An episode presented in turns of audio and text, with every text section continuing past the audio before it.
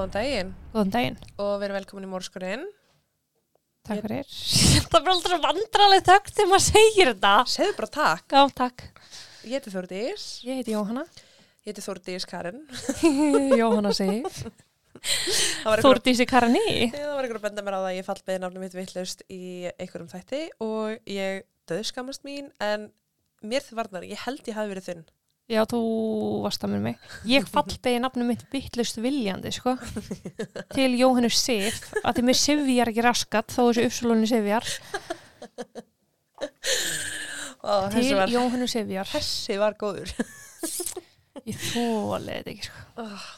Herðu, ég ætla að byrja því að minna á afslættukóðun okkar. En með kóðunum morskurinn þá fáið 20% afslátt af öllum vörum inni á skröpdaddyisland.is Mm Mæli með og uh, ef að þið eru að uppgöta ykkur nýjar vörur, ég er ekki búin að kíkja svo lengi, láta okkur vita, -hmm. do it. Er. Seljið okkur, Scrubdaddy, please. Ég er alltaf að hrifuna peistru og svo er ég búin að vera að nota multipurpose cleanerinn sprayið frá þeim.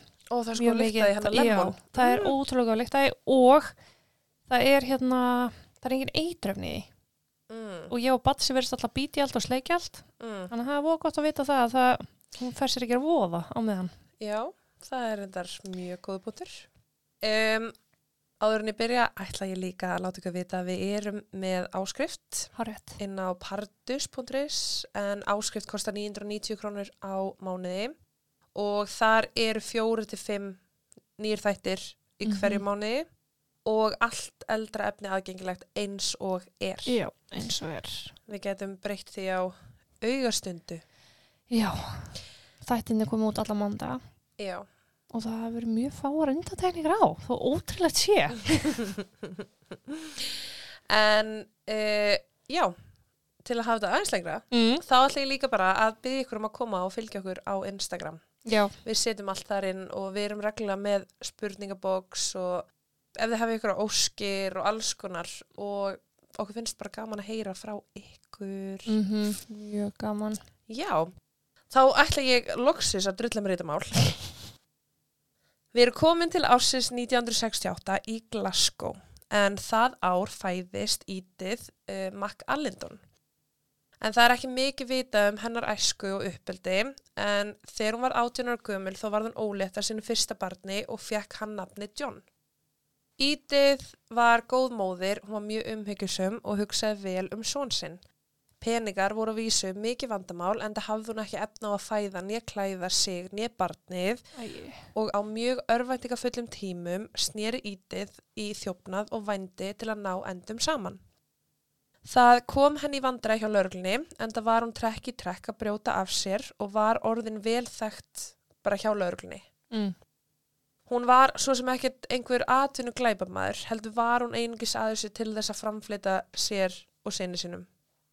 Já, Í kjölfarið fekk hún nokkrum sinnum fangelsistóm og ég er í raun veit ekki hvar sonurinnar var á meðan nei, og það er sérst ekki fadir í myndinni. Ok, En þú veist, eftir því sem ég best gætt fundið þá var ekki mikið bakland til staðar en það hefur einhver verið að hugsa um sonurinnar hvort sem það hafi þá verið félags yfirvöld eða eitthvað. mm En í hvers skipti sem hún kom út úr fangelsinu þá var hún heimilislaus og svaf á götinu með sinni sinum ef hún hefði ekki grætt nóg þetta kvöldi fyrir gistingu á farfugla heimilinu.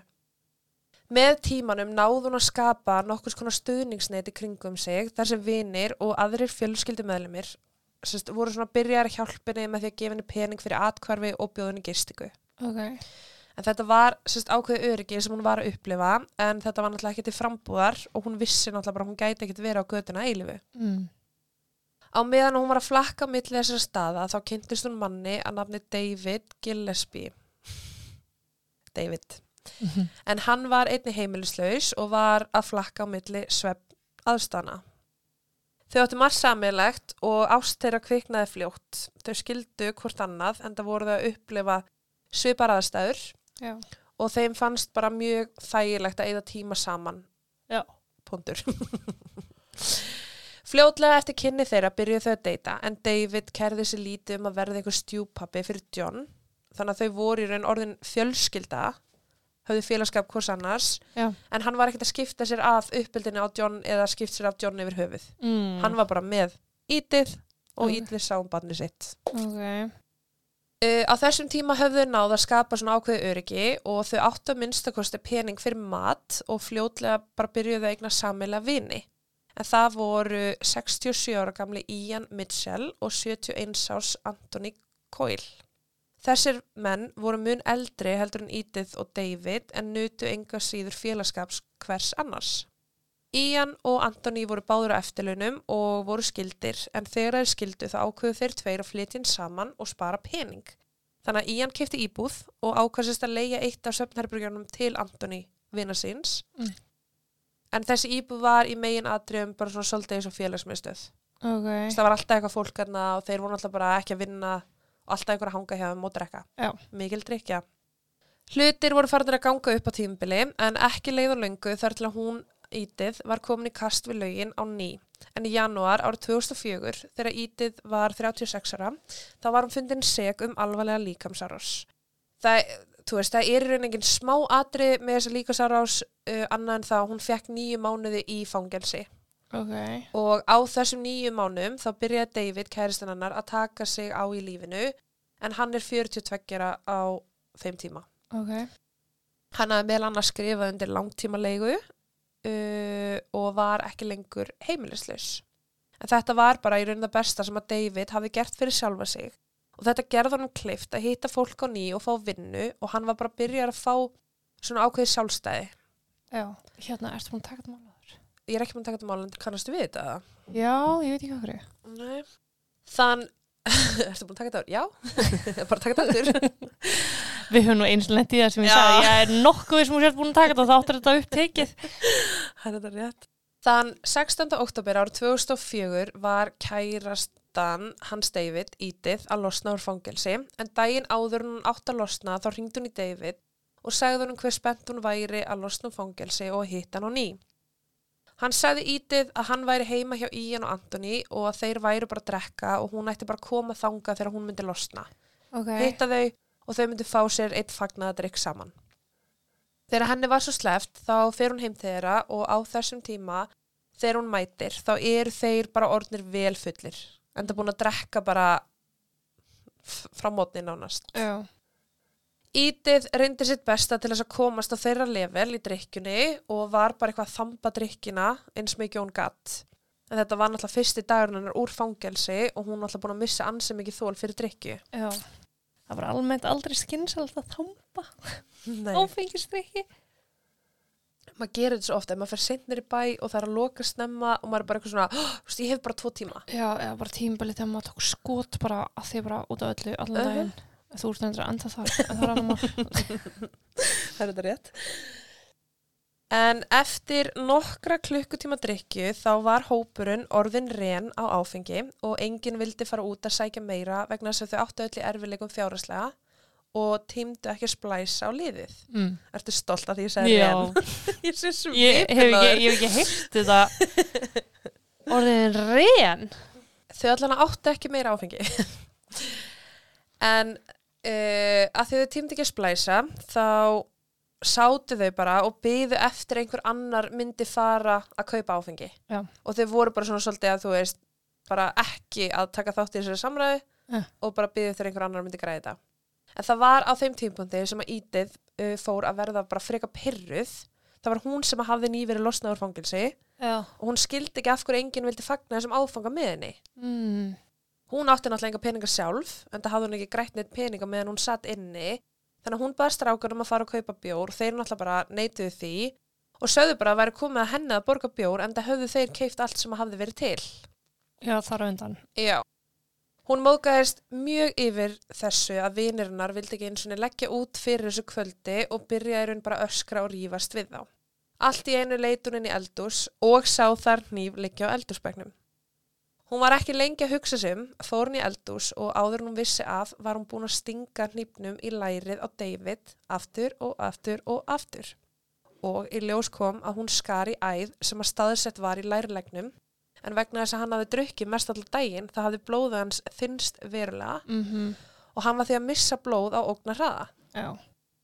Þegar Ídið hætti að stinga kærasta sinn þá leit hún upp á Ian og Antoni sem að horfðu skelvingu lostir á hana en það trúður ekki hvað þið gerst. Og hún var sjálf svolítið svona hvað var að gerast. Mm Maður vann með þessu, þessar stóra æðar lærunum að því að það er hérna í bílslisum Mm. þegar fólk lendir lífshættu þá getur það oft verið að því að þau lærlegs brotna Já. og þá rofnar slagaðin í lærinu og það er ekkit betur en að vera bara skorin á hálf sko. Mm. Fróðleiksmúli dagsins. Já, það skemmtileg. Allir vissu hver alvarlegt þetta var og þeir sáu hver oft Ídið hafði stungið David og náttúrulega bara allt blóður sem hann var að missa og þeir gerðu bara ráð fyrir að David myndi deyja næstu mínútunar. Mm. Þeir stukka stað og byrja að hlaupa um íbúðuna í leita öllu sem er gátti notað til að koma í vekk fyrir að David myndi blæða út, gripa hanglaði og voru náttúrulega bara að binda utan mann. Já. Um, það virðist sem Ídið uh, væri komin úr þessu ástandi, þessu, þessu styrluna brjálega sem hún fór í hann á tímbili og var núna að byrja að átta sig á því hver alvarlegt ástandi var. Já. Hún sagði þeim að hún ætlaði að hlaupa upp í herbergi, sækja síma sinn og ringi eftir hjálp. Svo þeir hugsaðu bara, ok, frábært, sjúkrabíl er á leiðinni og mun koma og bjarga David. Ok. Það var samt sem áður alls ekki það sem að Ídið ætlaði sér að gera. Hún vildi ekki ringi eftir hjálpa því að hún var hrætt um að hún myndi enda aftur í fangelsi. En það var hún nýkomin út. Hún vissi að þetta myndi hafa miklar afleggingar fyrir hana, þannig í staðin fyrir að kalla eftir aðstóð þá ringdi hún í són sinn John sem var nú orðin 17 ára gamall og bað hann um að koma og hjálpa sér.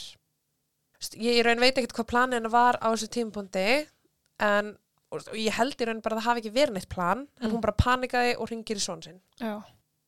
John svara kalli móður sinnar uh, fyrir beint upp í leigubíl og mætir á staðinn. En þegar hann kom þangað, þá var hann að vísa ekki einn, heldur hafa hann tekið vin sinn með sér, 16 ára Jamie. Og þegar þeir mættu, uh, þá voru sérst Ian, Anthony og Edith bara svona nakkrífast inn í stofu. Þeir voru brjálæðir yfir því að Edith skildi ekki hafa hringt eftir sjúkrabíl, en það töldu þeir ekki að sonurinnar og vinir hans getur bjarga David. Og þeir í raun töldu samt sem áður þetta ennþá svona smá tímbila hún hafi hringt eftir sjúkrabíl Mm. en skildi ekki okkur í sonurinn að vera að mæta. Það sem verra er, er að þegar að John og vinur hans tóku leigubíl þá áttu þeir ekki pening til að borga honum þannig að þeir yfirgáðu bara bílinn án þess að borga sem að gerði náttúrulega leigubílstjóran mjög reyðan Mm en það vildi hann fá borgað og hann stóð út á götu og var að öskra eftir þeim og Ídið hugsaði með sér að hún vildi ekki láta vekja aðtegla á því sem væri gangi og sagði bara að það þarf ykkur að fara niður og tala við leigubílstjóran. Já.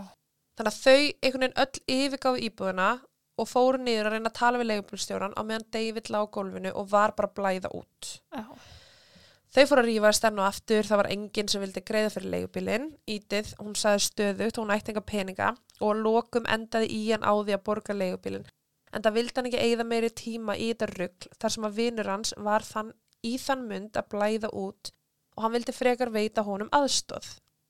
Eftir að hafa greitt leigubílinn fóruðu öll saman aftur inn í íbúð þar sem að Ían kvartaði langleðina með að hafa þurft að greiða fyrir leigubílaferðina. Þeir áttu þessi fljótlega á því að uh, Ídið hafði aldrei hringt eftir sjúkrabíl, heldur hafði hún bara hringt í són sinn. Oh. Þeir höfðu nú skilið David eftir blæðandi upp í íbúðinni og engin hjálp var á leiðinni, þannig að þau byrjuðu bara svona svolítið átt sig á því hvað var í gangi, hlup á stað til hans en það var og seint. David var látin. Þetta var í fyrsta skipti sem að John og Jamie stigu fætin í íbúðina og sáu sér satt hvað var í gangi. Mm. Þegar þeir komu þá höfðu bara heyrt og séð þau vera að rífast en þau sá aldrei David.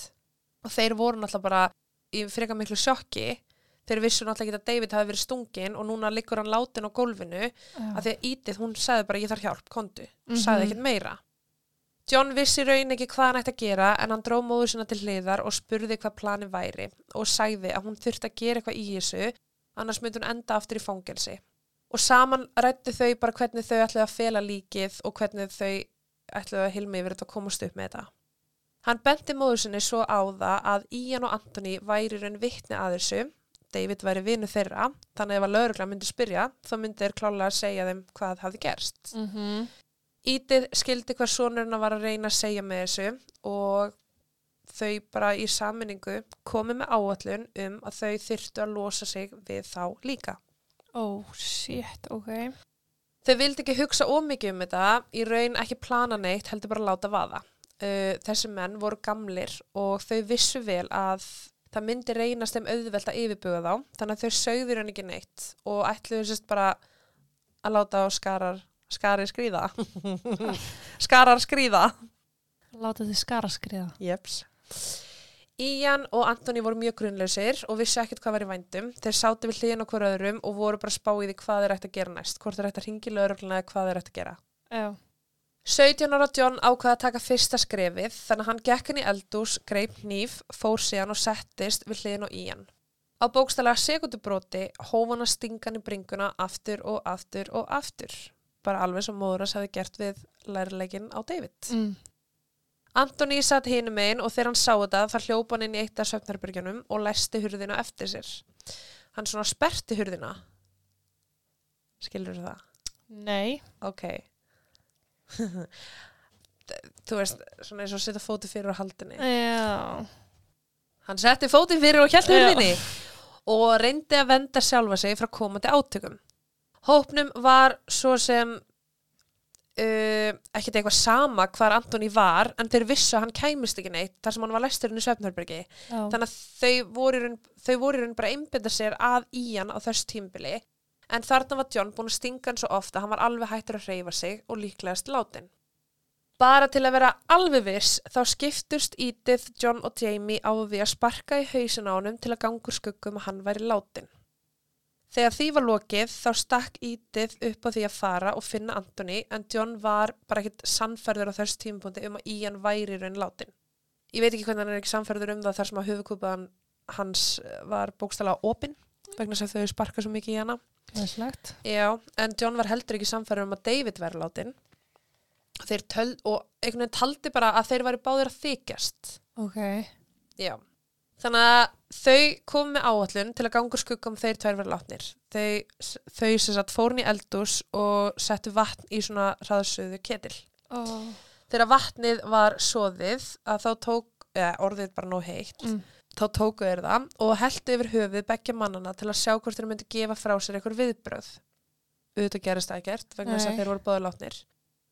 Og því var aðteglinni beinta Antoni sem hafði læst sig inn í einu á svefnherbyrgjunum. Hópurinn vissi nákvæmlega hvernig, hvar hann var og hvernig þeir ætti að komast til hans.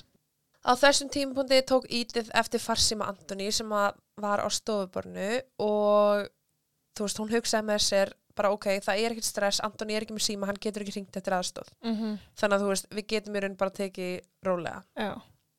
Antoni í raun bara satt inn í svefnherbergi búin að læsa sig inni og hlustaði á þau þrjú myrða besta vinn sinn. Og það er bara ákveðin staðrætt. Hann vissi að þau væru síðan að fara að koma eftir honum. Mm 100%. Auðvitað ætlaði ekki að fara að skilja hann eftir. Þannig að hann sat í raun bara í örvendingu að býða eftir eigin dauða allan tíman. Jesus. Já. Sem bara pynting. Mm Hópurinn byrja að hlaupa um íbúðina að leita einhverju sem þau gáttu notað til þess að opna lásin á svefnherberginu og allt í einu fann einn þeirra ramagsbor sem þeir vissi að þeir getur notað sem til að taka læsinguna af hurðinni. Mm. Ég, ég, bara, ég get ekki ímynda mér hvernig það er fyrir Antoni að sitja bara á rúmgablinum Mm -mm. og þau eru bara bóra, þú veist, þú, þú veist að þau eru að koma til þín, sko. Oh, Var ekki en gluggi. Þetta upp á annari hæð, sko. Þannig að það var bara að tala um að hann þú veist, hann í raun bara satt og beð sko. Um leið og þau opnuðu hurðina þá uh, fór hinn 16 ára Jamie inn í herbergi og hann var með hafnabóltakilvi meðferðis.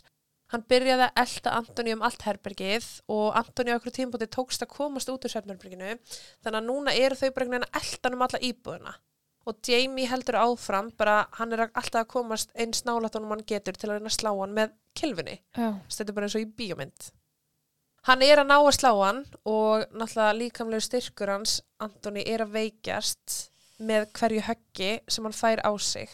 En þetta tekur smá tíma þar sem hann nær að koma sér undan. Mm þar til að hann bara allt í hennu getur náttúrulega ekki hlupi lengur og fellur á jörðina Jamie kemur að honum, er með hann hafnabóltakilfuna og byrjar bara að slá hann eins oft og hann gatt og hann í raun bara sló hann með hafnabóltakilfu til dauða aftur og aftur og aftur og aftur og aftur og aftur, og aftur. Já, þetta var mjög líklegast sásökafyllsti döðdægin af öllum þremur sem að hafði átt sér stað. Langur. Já. Þegar ljóst var að Antoni var látin þá andaði hópurinn léttar því þetta þýtti að það var enginn til staðar eða enginn eftir til þess að segja lögreglunni hvað ítið hafði upprunlega gert. Þau vissu að þau væri að komast upp með þetta en vissu samt sem áður að þau þurfti að losa sig við líkin Já. og öll sönnunagögn sem að voru til staðar á heimilinu. Blóð út um allt og allstar. Já, ógæðislegt. Það var þess tímapunkti sem að John og Jamie voru bara eitthvað, ok, hingaðu ekki lengra, við erum búinir með okkar verk, þú serð um rest, Mhm. við ætlum ekki að hjálpa þér meira. Og skildu í raun bara ítið eftir með allt, um, öll líkin. En þeir bara lit sér hverfa. Ítið komst náttúrulega ekki í vinnuna, hún satt bara inn í húsin og var að veltaði fyrir sér hvað hún ætti mögulega að gera og vissi bara hún þyrfti að koma með eitthvað áætlun til að komast upp með þetta. En það fyrsta sem hún gerði var að hún fór hún á klósett og fór sérst að þrýfa sig og þvó blóðið af höndunum og hárinu og allstæðar sem hún var, um, sem var á henni og hún fór síðan í hreinfött. Hún ætlaði í raun bara að láta að líta út fyrir að hún hafði ekkert með hann að glæpa vettvanga eða morðvettvanga að gera Mm. Og planið hennar var sagt að fara og banka upp á hjá einum að nákvæmna þeirra og láta eins og hún væri nýkomin heim og hún hefði bara lappað inn á þennan morð, hræðilega morð vettvang. Ok. Þannig að um þrjúleitið þann 17. oktober ára 2004 uh, fekk maður á nafni Jim Sweeney gest. En það var sérst einhver sem að bankaði hurðina hjá honum.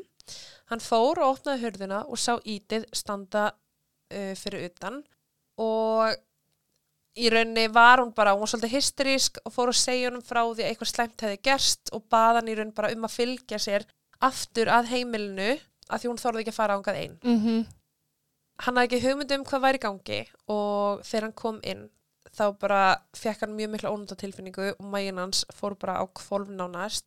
Án þess að hafa séð nokkuð lík bara við það að sjá blóðið á veggjunum Já. og gólfinu og það var í raun bara út um allt James sagði ítið að býða með honum á meðan hann ringdi eftir lögreglu og sjúkrabíl vegna þess að hann vildi ekki stíga fætin í íbúðuna áður en að hjálp væri á leiðinni. Þannig að hann ringdi eftir lögreglu og þegar hann vissi að lögreglu var á leiðinni þá sagt ákveðan að ganga inn í húsið og einhvern veginn bara svona stoppar í dyragættinni á meðan hann gengur inn í stofu en þar sér hann þrjú lík á gólfinu. Mhm.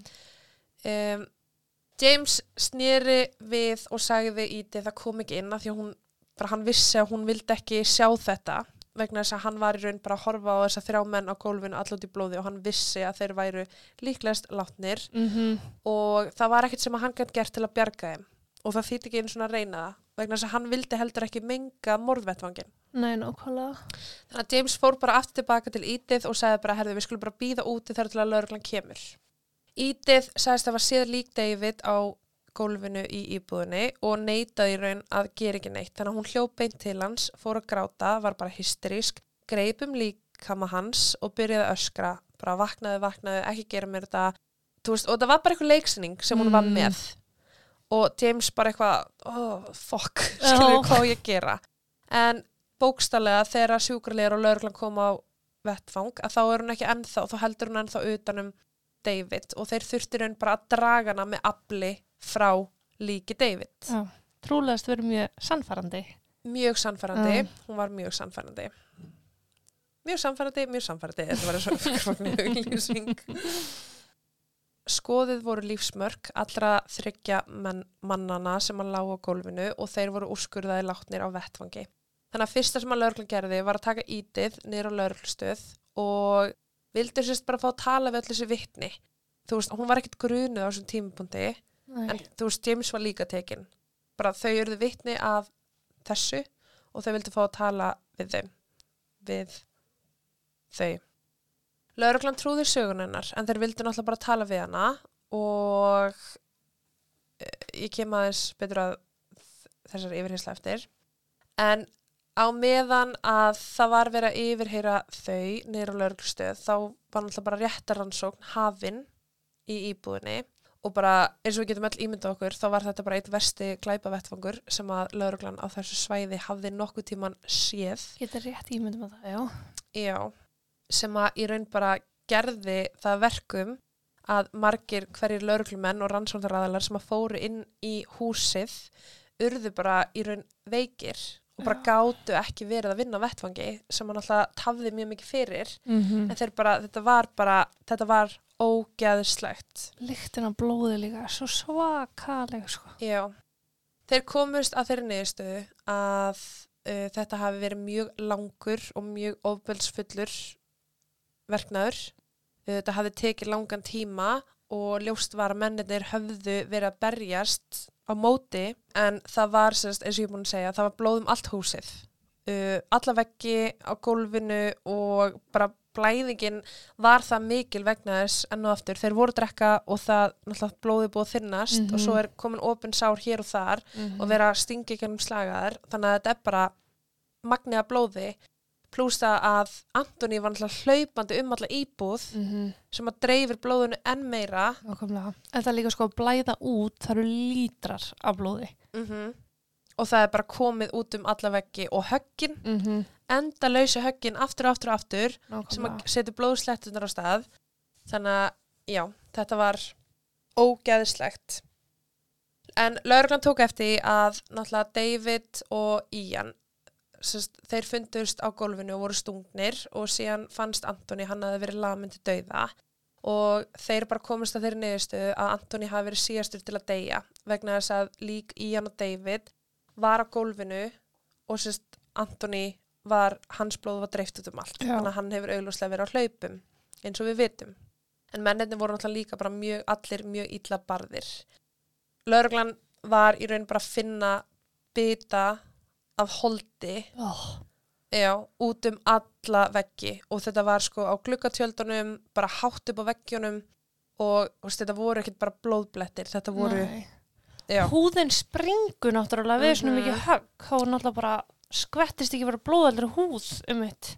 já og þetta voru líka þetta voru náttúrulega bara först först, hröðhögg Mm -hmm. með stóru bara þungu vopni, þetta var náttúrulega bara hafnaboltakilva Mm -hmm. Þannig að afliði sem að kemur er mjög mikið. Mhm. en það voru líka, þeir voru allir höfukópubrotnir og það fundust brot úr heila þeirra uh, í húsinu, Bara út um allt. já, í rauninni. Og þetta er bara eitt af ógæslegasta sem ég hef heyrt. Lauruglinni tókst að finna fullt af vopnum sem að virðast að hafa verið notaðir í þessari árás. Og þeir voru náttúrulega allir þekktir blóði þannig ég ætla bara að telja það upp. En það var sem sagt hamar, það var exi það var hafnaboltakilva, það var golfkilva það var hnífur, það var belti og það voru einhverju svona viðarklumpar uh, sem virðast hafa verið notaðir á einhverju tímpúnta því þeir voru líka sagt, með blóði og bara húðfrumum á í rauninni Já. og síðan var eitthvað, svona, eitthvað málmstykki einnig. Þannig að þetta var í raun bara, þau voru bara að taka alls sem þau gátu og bara berja, berja, berja, berja, berja. Já, sæl. En það var svo mikið blóð í íbúðinni að það var ómögulegt að vera nákvæmur um þess, smáadriðin hvað hefði gengið á. Já. Eina sem þeir vissu bara er að þeir hafi verið stungnir og landir til dauða. Mm Og það var ekkert hægt að segja til um hver mörg högg eða með hverju af því að þetta var bara, þetta voru bara kásur á gólfinu. Mm -hmm. Þetta var bara gúllas. Ó, þú voru dýrs. Já. ég er bara að segja. Lörglunni tókst að draga þá áleiktun að það hafi verið fleiri en einn að verki og töldu á þess tímapunkti að það hafi raun verið þrýr árásamenn. Ok.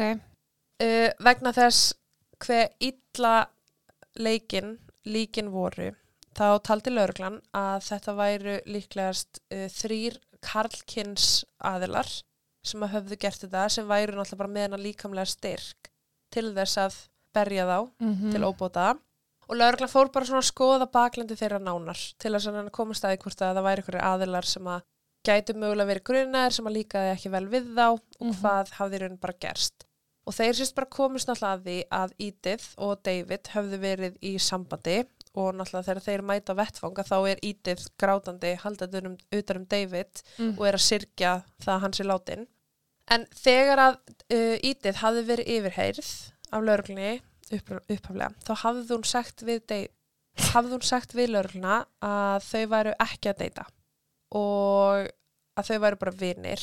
Og þess vegna var lögreglan svolítið svona varbergi gagvart því sem að hún var núna farin að segja vegna þess að þau heyrðu frá öðru fólki að þau hefðu jú verið að deyta. Þannig af hverju þetta að ljúa því? Já, já, uh, þeir komist einnig í samband við eina fyrirhundi kæristu David uh, sem að hétt Violet. Og hún sagði við lögregluna að Edith væri að ljúa hún og David höfðu verið saman í nokkur ár og allir vissu það. Og Violet var alveg bara frekar pyrruð að heyra hvað hafði átt sér stað og sagði bara Edith er ekki góð manneskja bara nenniði plýsa skoðana betur Mm. og það var á þess tímfundi sem að lögreglan setti fram þessa kenningu um að Edith hafði tekið þátt uh, í þessum morðum og að bara allt þetta leikrit hennar með að hún hafa bara komið heim og labbað inn á vettvangin hún var á lífi, af hverju var hún ekki með þeim af hverju hún ekki eitt af fórtalömbunum þeir fóru bara svona svolítið að efa hennar sögu Já.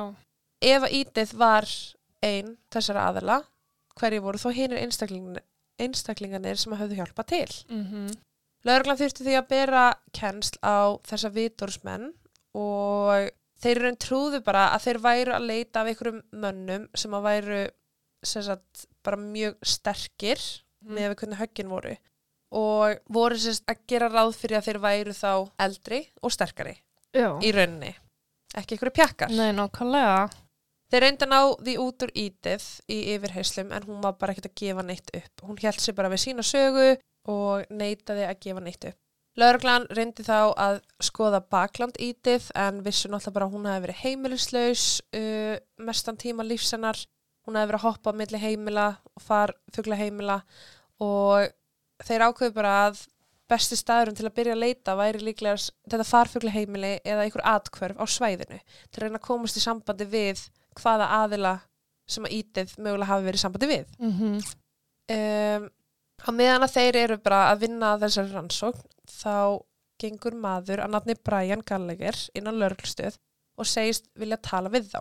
En Brian var sérst heimilislaus og bjó í atkvarfi Glasgow og hann kom til lörglunar til að segja þeim að kvöldi áður hefði John, sonur Ítið dvalið á samstæðu hann í þessu atkvarfi og hann hafði talað við hann og sagt, þegar að hann hafði komið heim eða sérst aftur í atkvarfið þá hafa hann verið mjög drukkin og virtist verið mjög góðu skapi. Og Brian fór að tala við John og spurði hann hvað væri að gera hann svona hamingsaman af hverju hann væri svona glaður. Og John bara talaði af sér og fór að segja hann frá því að hann hafi stungið gaur í fótleikin og það hafi verið blóð allstaðar og hann sagði að þetta hafi sérst verið maður sem að reynda að nauðga móður sinni og að það þurfti að kenna um leksju Býtu, ha, það eru nýjur upplýsingar. mm Já, ok. Mhm. Brian var náttúrulega ekki að búast við að heyra þetta og þarna var hann bara frosinn og vissi ekkert hvað hafi verið í gangi en John var náttúrulega bara nýbúin að játa það að hafa stungið eitthvað.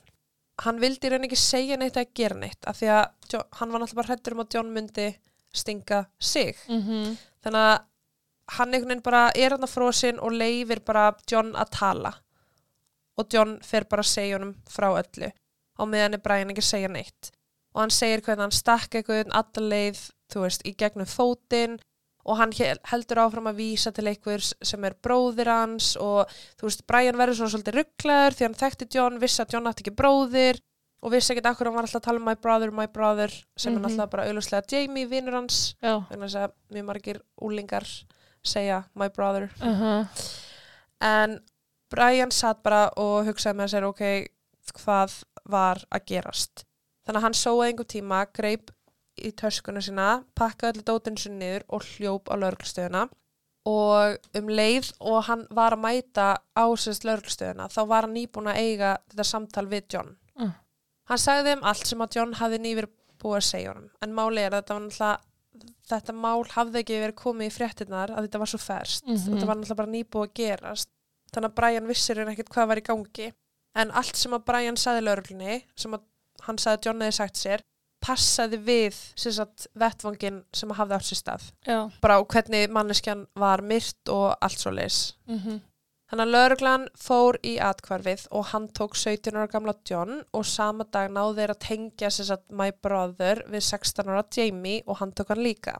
Lauruglan let þau öll þrjú gefa frá sér DNA síni og það kom í ljós að þeirra DNA fannst á vettfangi og voru þau, þau því öll grunuð um morðin. Um, Lögreglan ákærið þau öll þrjú fyrir morð og rétturöldin átt að eiga sér stað árið 2005 en þá vorum átta mánuði liðinir frá morðunum. Edith, John og Jamie á þar stímpúti hefðu verið geimt í gæsluvarhaldi og þau voru öll aðskilin allan annan tíma og síðan voru þau sérst í réttarsalunum voru þau hittast í fyrsta skipti á þessum tím, tímabúndi og þau voru í raun bara hlæjandi, brósandi, flissandi, veifandi til hvers annars voru kannski ekki alveg að segja á því að þau voru í sama herbergi og fjölskyldur fórnalambana Mhm. vegna þess að það náttúrulega eru allir hérna og þau eru bara eitthvað mjög glöð að sjá hvort annað og finnst bara lífið geðvikt og það er mjög skrítið að sjá þetta.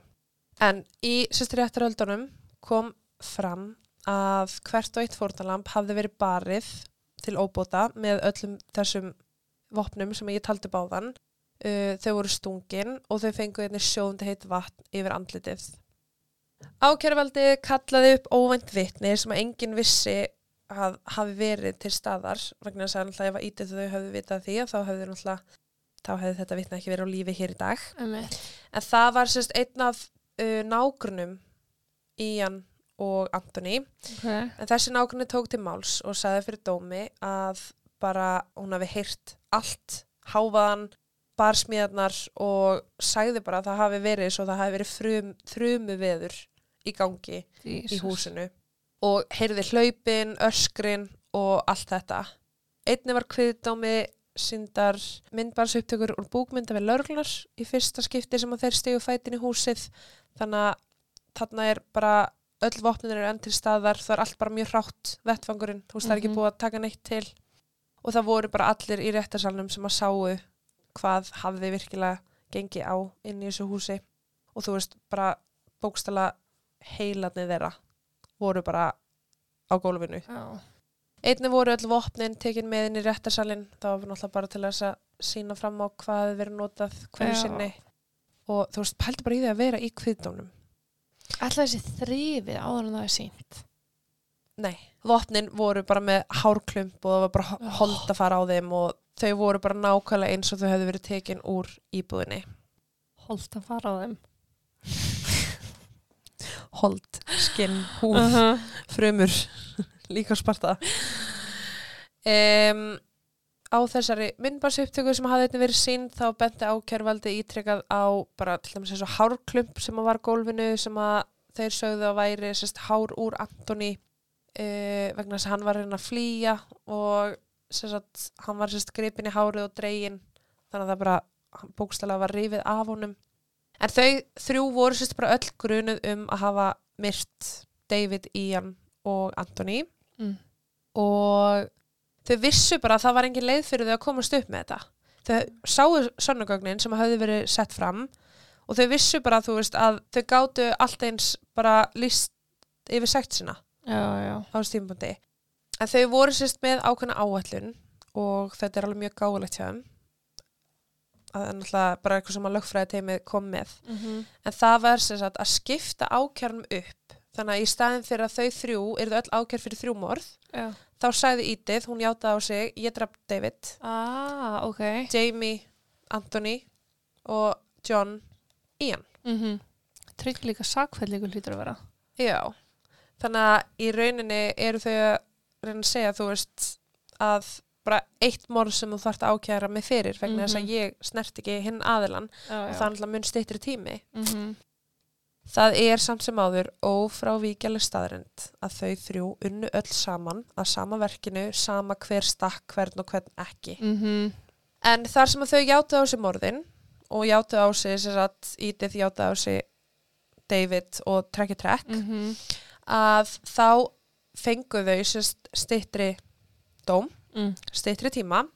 Edith, hún var dæmd í lífstíðafangilsi sem er sérst lámark 13 ár sem að gera hann að hæfa til reynslulausnar árið 2018. Shit, ertu bara að segja mér að Já, já, Sko.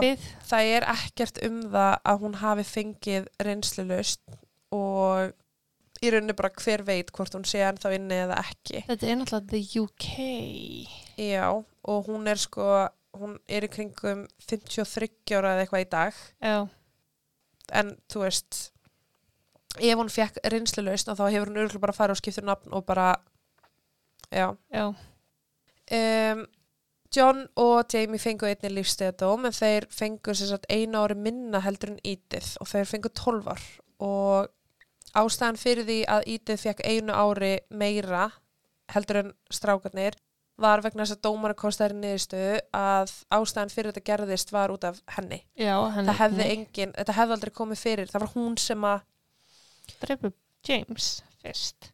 David, David. Jésús.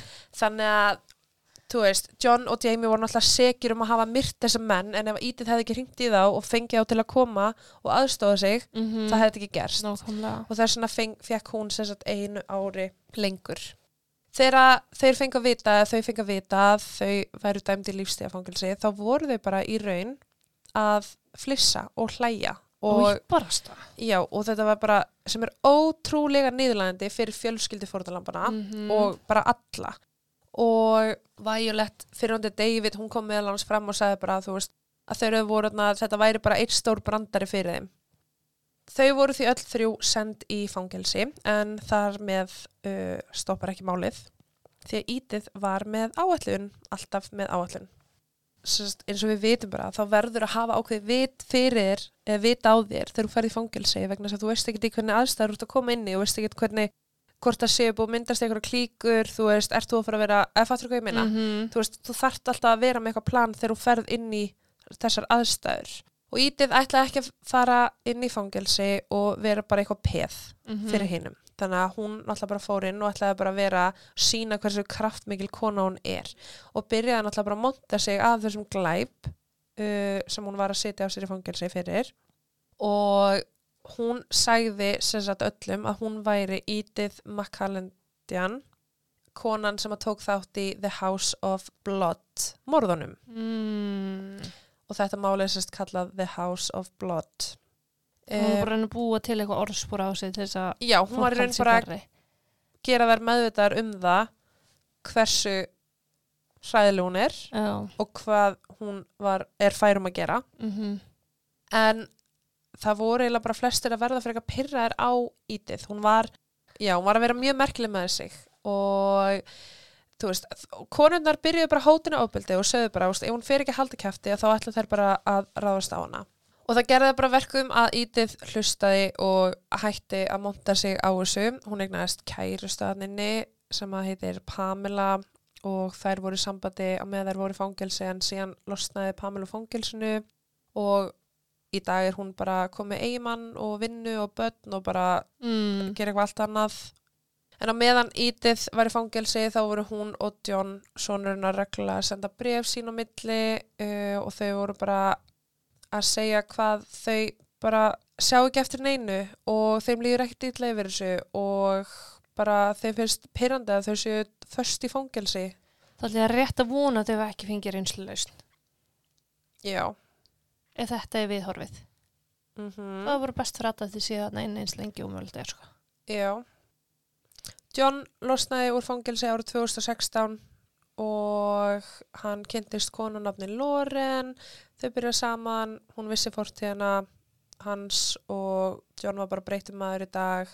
En ekki leðu lengur til að samband þeirra var bara mjög eitrað og það var einhverju tímapunkti sem að þau voru að rífast sérst, í miðborg Glasgow og John byrjaði bara að sparka ítryggað í konuna sína, öskrána og það var eitthvað sem að sá þetta, hringda lauruglu hún vildi ekki leggja fram kæru á hendur John og það var aldrei neitt úr þessu veist, ég veit í raun ekkert hvort þau séu saman ennþá í dag Mm. en þú veist, hann er greinilega ekki búin að læra hann að leksu Nei. vegna þess að hann er bara kút að köta að berja konu sína sem er bara Mhm. ógeðslegt og hann er náttúrulega bara mjög óbyrgsfulli maður en já, þú veist, málið er í raun bara lokið hér í dag þú veist, ég var bara að bæta við ykkur svona um fangelsislífina ítið sem að öllum er svo skýt sama um og ég veit ekki alveg af hverju ég var að segja ykkur það en bara verði ykkur að góðu en já, ég veit lítið um Jamie en þau tvö, þau sáu aldrei eftir þessu þau fannst þetta bara fyndið og gaman og þú veist, ég veit ekki hvort að ítið hafi sagt við John að David hafi reynd að nauðga Mm sér